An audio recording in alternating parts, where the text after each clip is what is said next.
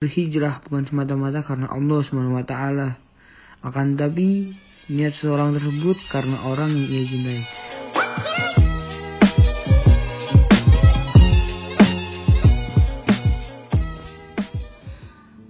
Assalamualaikum warahmatullahi wabarakatuh.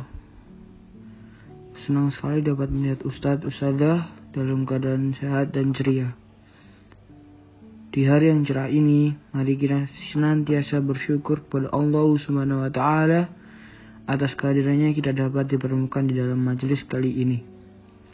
Terima kasih kepada selaku moderator yang telah mempersilahkan saya untuk mengisi ceramah pagi ini. Pada kesempatan kali ini, izinkan saya menyampaikan mengenai sebuah perihal niat yang saya bacakan adalah hadis arba'in pertama إنما الأعمال بالنيات وإنما لكل امرئ ما نوى فمن كان هجرته إلى الله ورسوله فهجرته إلى الله ورسوله ومن كان هجرته للدنيا يمسيها أو امرأة ينكيها فهجرته إلى ما هاجا إليه yang artinya sungguhnya setiap amal adalah pada niatnya setiap orang akan mendapatkan apa yang ia niatkan. Siapa yang hijrah karena Allah Subhanahu wa taala dan Rasulnya, maka hijrahnya untuk Allah dan Rasulnya.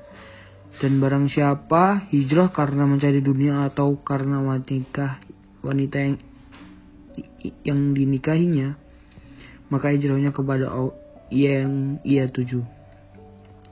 Hadis riwayat Bukhari dan Muslim. Dalam hadis di atas diceritakan bahwa ada seorang yang berhijrah bersama Rasulullah SAW yang semata-mata bertujuan ingin menikahi seseorang wanita. Yang menjadikan permasalahan itu orang itu ia niat berhijrah bukan semata-mata karena Allah SWT. Akan tapi niat seorang tersebut karena orang yang ia cintai. Sangat disayangkan jauh-jauh ia berhijrah tetapi ia tidak mendapatkan fadilah dalam berhijrah. Mungkin demikian yang dapat saya sampaikan. Semoga kutipan hadis di atas dapat memberikan manfaat bagi kita semua. Kurangnya lebih kurang lebihnya mohon maaf. Adapun kekurangan itu datangnya dari saya sendiri dan adapun kelebihan itu datangnya semata-mata karena Allah Subhanahu wa taala. Terima kasih atas segala perhatian.